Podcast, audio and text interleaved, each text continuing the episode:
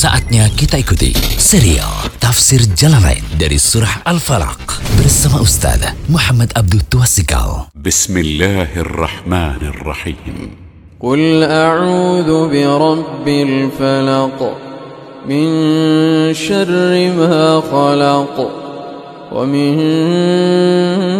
شر غاسق إذا وقب ومن شر النفاثات في العقد ومن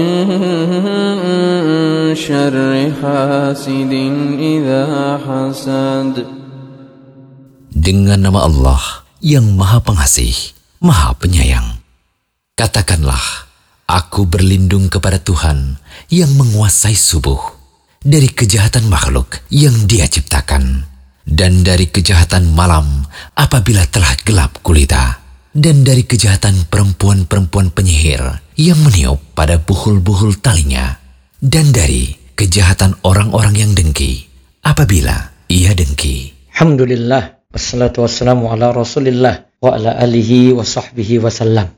Kali ini kita berada pada audio ke-19 Masih tentang hasad Kita masih melihat dalam bahasan tafsir surat Al-Falaq min syarri hasidin idha hasad Gimana kalau kita menghadapi dampak jelek dari hasad? Apa kiat-kiatnya? Ada yang mau hasad pada kita? Kita mencegahnya gimana? Atau kalau kita sudah terkena hasad, misalnya sampai terkena ain, bagaimana menghadapinya? Syekh Mustafa Ladawi punya rincian yang bagus tentang hal ini. Beliau merinci sampai 12 poin di dalam buku tafsir beliau atas hil Litakwili Tanzil waktu membahas surat Al-Falaq. Pertama, cara menghadapinya adalah bertawakal kepada Allah. Karena Allah katakan, "Wa may yatawakkal 'alallahi fahuwa hasbuh." Siapa yang bertawakal kepada Allah, saya Allah akan mencukupkan keperluannya. Itu yang pertama. Tawakal kita miliki. Pasrah pada Allah, sadarkan urusan kita pada Allah agar dimudahkan. Yang kedua yang dilakukan adalah bertakwa kepada Allah. Allah Ta'ala berfirman, Wa in tasbiru wa tattaku la yadurrukum kaiduhum syai'a. Innallaha bima ya'maluna muhit. Jika kamu bersabar dan bertakwa, niscaya tipu daya mereka sedikit pun tidak mendatangkan kemudorotan kepadamu. Sesungguhnya Allah mengetahui segala apa yang mereka kerjakan. Ali Imran ayat 120. Solusi kedua adalah bertakwa. Solusi ketiga adalah minta perlindungan kepada Allah dari kejahatan orang yang hasad. Ini seperti yang Nabi SAW anjurkan kepada para sahabat. Di antaranya Nabi SAW itu pernah mengajarkan untuk membaca surat Al-Ikhlas, surat Al-Mu'awwizatain, Al-Falaq, An-Nas ketika pagi dan petang. Beliau ketika itu mengatakan kalau ini dibaca setiap pagi dan petang takfika min kulli. Maka Allah akan mencukupimu dari segala sesuatu. Keempat, jangan beritahu orang yang hasad tentang nikmatmu. Untuk menghadapi orang yang hasad ini, kita jangan selalu menceritakan kebahagiaan kita kepada orang yang hasad. Sesuatu yang menyenangkan diri kita kepada orang yang hasad. Coba ambil pelajaran dari apa yang dikatakan oleh Nabi Ya'qub pada putranya Nabi Yusuf alaihi wassalam. Qala ya bunayya la taqassus ru'yaka ala ikhwatika fayakidu laka kaida. Inna syaitana lil insani aduwwun mubin. Ayahnya berkata, "Hai anakku, janganlah kamu ceritakan mimpimu itu kepada saudara-saudaramu. Maka mereka membuat makar untuk membinasakanmu.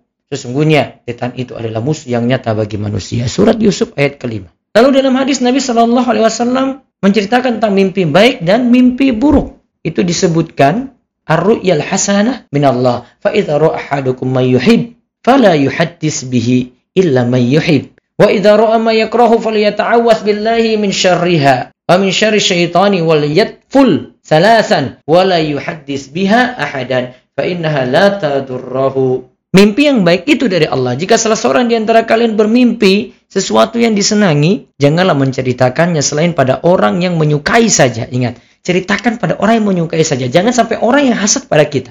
Ini kalau dapat mimpi yang baik. Namun jika bermimpi yang tidak disukai, mintalah perlindungan kepada Allah dari keburukan mimpi tersebut dan juga dari kejahatan setan. Kemudian meludahlah sebanyak tiga kali dan jangan menceritakan hal tersebut kepada seorang pun. Kalau mimpi buruk jangan ceritakan kepada seorang pun karena mimpi tersebut tidak akan memudaratkan orang yang bermimpi tadi. Lalu yang kelima, jangan ambil peduli dengan orang yang hasad, sibukkan diri dan tidak banyak memikirkan dia. Ibnu Qayyim rahimahullah secara ringkas mengatakan bahwa jika ada yang hasad pada kita, tidak usah dipedulikan. Tidak perlu takut dan hati kita tidak usah memikirkan dia. Itu kata Imam Ibnu Qayyim sebagaimana dinukil oleh Syekh Mustafa Al-Hadawi. Lalu yang keenam, menghadap dan ikhlas kepada Allah dan menyibukkan hati untuk mencintai, ridha dan bertobat kepadanya. Karena Allah katakan, "Innahu laisa lahu sultanun 'alal ladzina amanu wa 'ala rabbihim yatawakkalun." Innama sultanu 'alal ladzina yatawallawnahu wal ladzina hum bihi musyrikun. Sesungguhnya setan itu tidak ada kekuasaannya atas orang-orang yang beriman dan bertawakal kepada Robnya.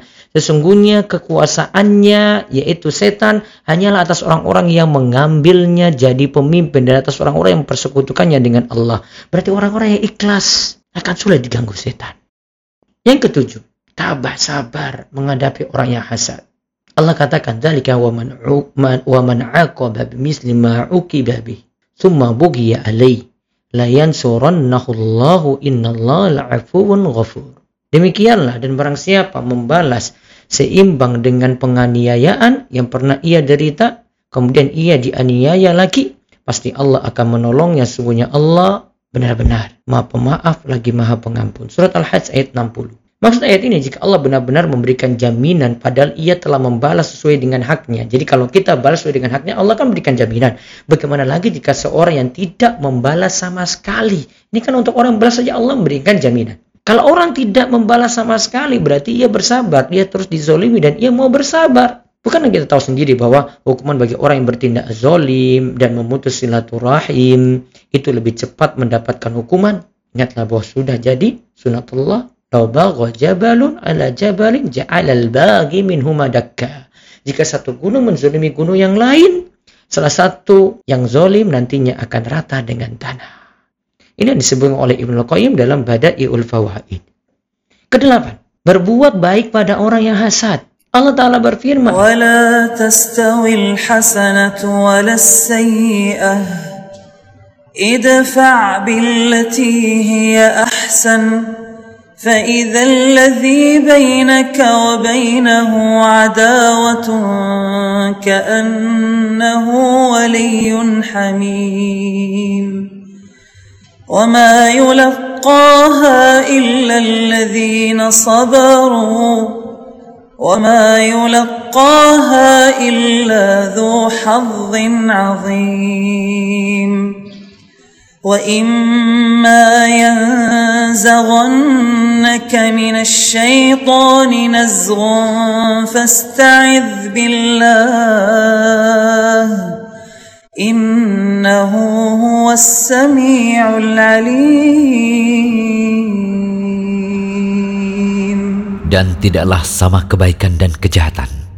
Telaklah kejahatan itu dengan cara yang lebih baik maka tiba-tiba orang yang antaramu dan antara dia ada permusuhan, seolah-olah telah menjadi teman yang sangat setia.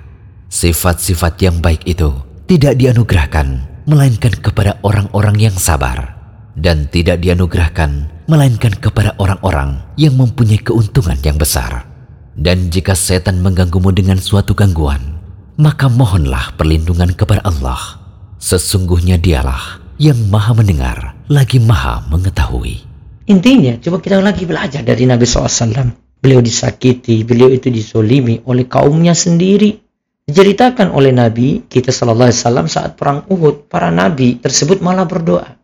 Nabi SAW sendiri saat perang Uhud ketika kaumnya, para sahabat yang ikut bersama beliau itu melanggar apa yang Nabi SAW itu perintahkan. Mereka turun dari gunung pemanah. Kemudian Nabi SAW itu terluka. Maka Nabi SAW disebutkan dan ini juga doa yang diucapkan juga oleh Nabi-Nabi sebelumnya. Kalau mereka disakiti dan dizalimi oleh kaumnya mereka ucapkan yang sama itu doa mereka adalah Allahumma kfirli qaumi fa innahum la ya'lamun. Ya Allah ampunilah kaumku karena mereka sejatinya tidak mengetahui. Kata Syekh Mustafa Al-Nadawi dan ini beliau menukil dari Imam Ibn Al-Qayyim dalam kitabnya Badail Fawaid bahwasanya doa ini mengandung empat kandungan. Pertama, ini dari sisi keburukan dibalas dengan kebaikan. Pertama, coba lihat di sini, ada bentuk memaafkan. Yang kedua, keburukan dibalas dengan kebaikan ini di sini ada memintakan ampun untuk orang yang berbuat zalim. Itu berarti doakan. Yang ketiga, memberikan uzur pada mereka karena mereka tidak tahu. Yang keempat, para nabi itu begitu sayang dan simpati pada kaumnya sendiri karena mereka tetap menyatakan itu kaumnya. Jadi ada bentuk memaafkan, ada memintakan ampun untuk orang yang berbuat zalim. Di situ ada memberikan uzur kepada mereka, mereka tidak tahu dan ingat para nabi ini tanda bahwasanya mereka begitu sayang dan simpati pada kaumnya sendiri. Lalu yang kesembilan adalah segera bertobat atas dosa. Lalu yang ke-10 adalah orang yang hasad itu mandi dan airnya disiramkan pada orang yang kena hasad. Ini kalau misalnya ada yang kena ain. Karena gini Nabi SAW itu katakan dalam hadis Ibnu Abbas radhiyallahu anhu, "Al-ainu haqqun walau kana syai'un sabaqal qadara sabaqathu al-ainu wa izastuksiltum faksilu." Ain itu benar adanya. Segala sesuatu terjadi dengan takdir, termasuk pula ain. Terjadi dengan takdir. Apabila kalian diminta untuk mandi karena memberi dampak ain, maka mandilah. Maka kalau ada yang kena ain, cari orang yang hasad. Kalau memang terbukti itu dia memberikan hasad, suruh dia mandi dan airnya disiramkan pada orang yang kena hasad. Lalu yang ke-11, lakukan rukyah syariah. Ini seperti yang kita uh, sebutkan sebelumnya, Nabi SAW pernah dirukyah oleh Jibril dengan membacakan doa rukyah. Terus yang ke-12, memiliki iman dan tuit yang kuat, dan ini jadi modal paling utama untuk menghadapi hasad. Dan Syekh Mustafa Al-Adawi punya pembahasan bagus. Beliau katakan sebab terjadinya hasad itu macam-macam. Ada beberapa poin di sini kami ringkaskan jadi delapan. Pertama karena permusuhan dan kebencian. Hasad juga bisa terjadi karena cinta dunia, terutama terkait dengan kekuasaan dan kepemimpinan. Yang ketiga, pelit membagi kebaikan pada orang lain. Yang keempat, lemahnya iman. Lemahnya iman sehingga kita bisa hasad pada orang lain. Yang kelima, kesombongan. Sombong sehingga kita bisa merendahkan orang lain. Yang keenam, tidak ingin dikalahkan yang lain. Yang ketujuh, takut disaingi. Yang kedelapan, takut diejek orang lain. Kerja dia hasad, ingin nikmat eh, orang lain itu hilang, atau dia membenci nikmat orang. Semoga Allah Subhanahu wa taala menjauhkan kita dari sifat hasad. Allah Demikian serial Tafsir Jalalain dari Surah Al-Falaq bersama Ustaz Muhammad Abdul Tuasikal. Kunjungi terus situs rumaisurat.com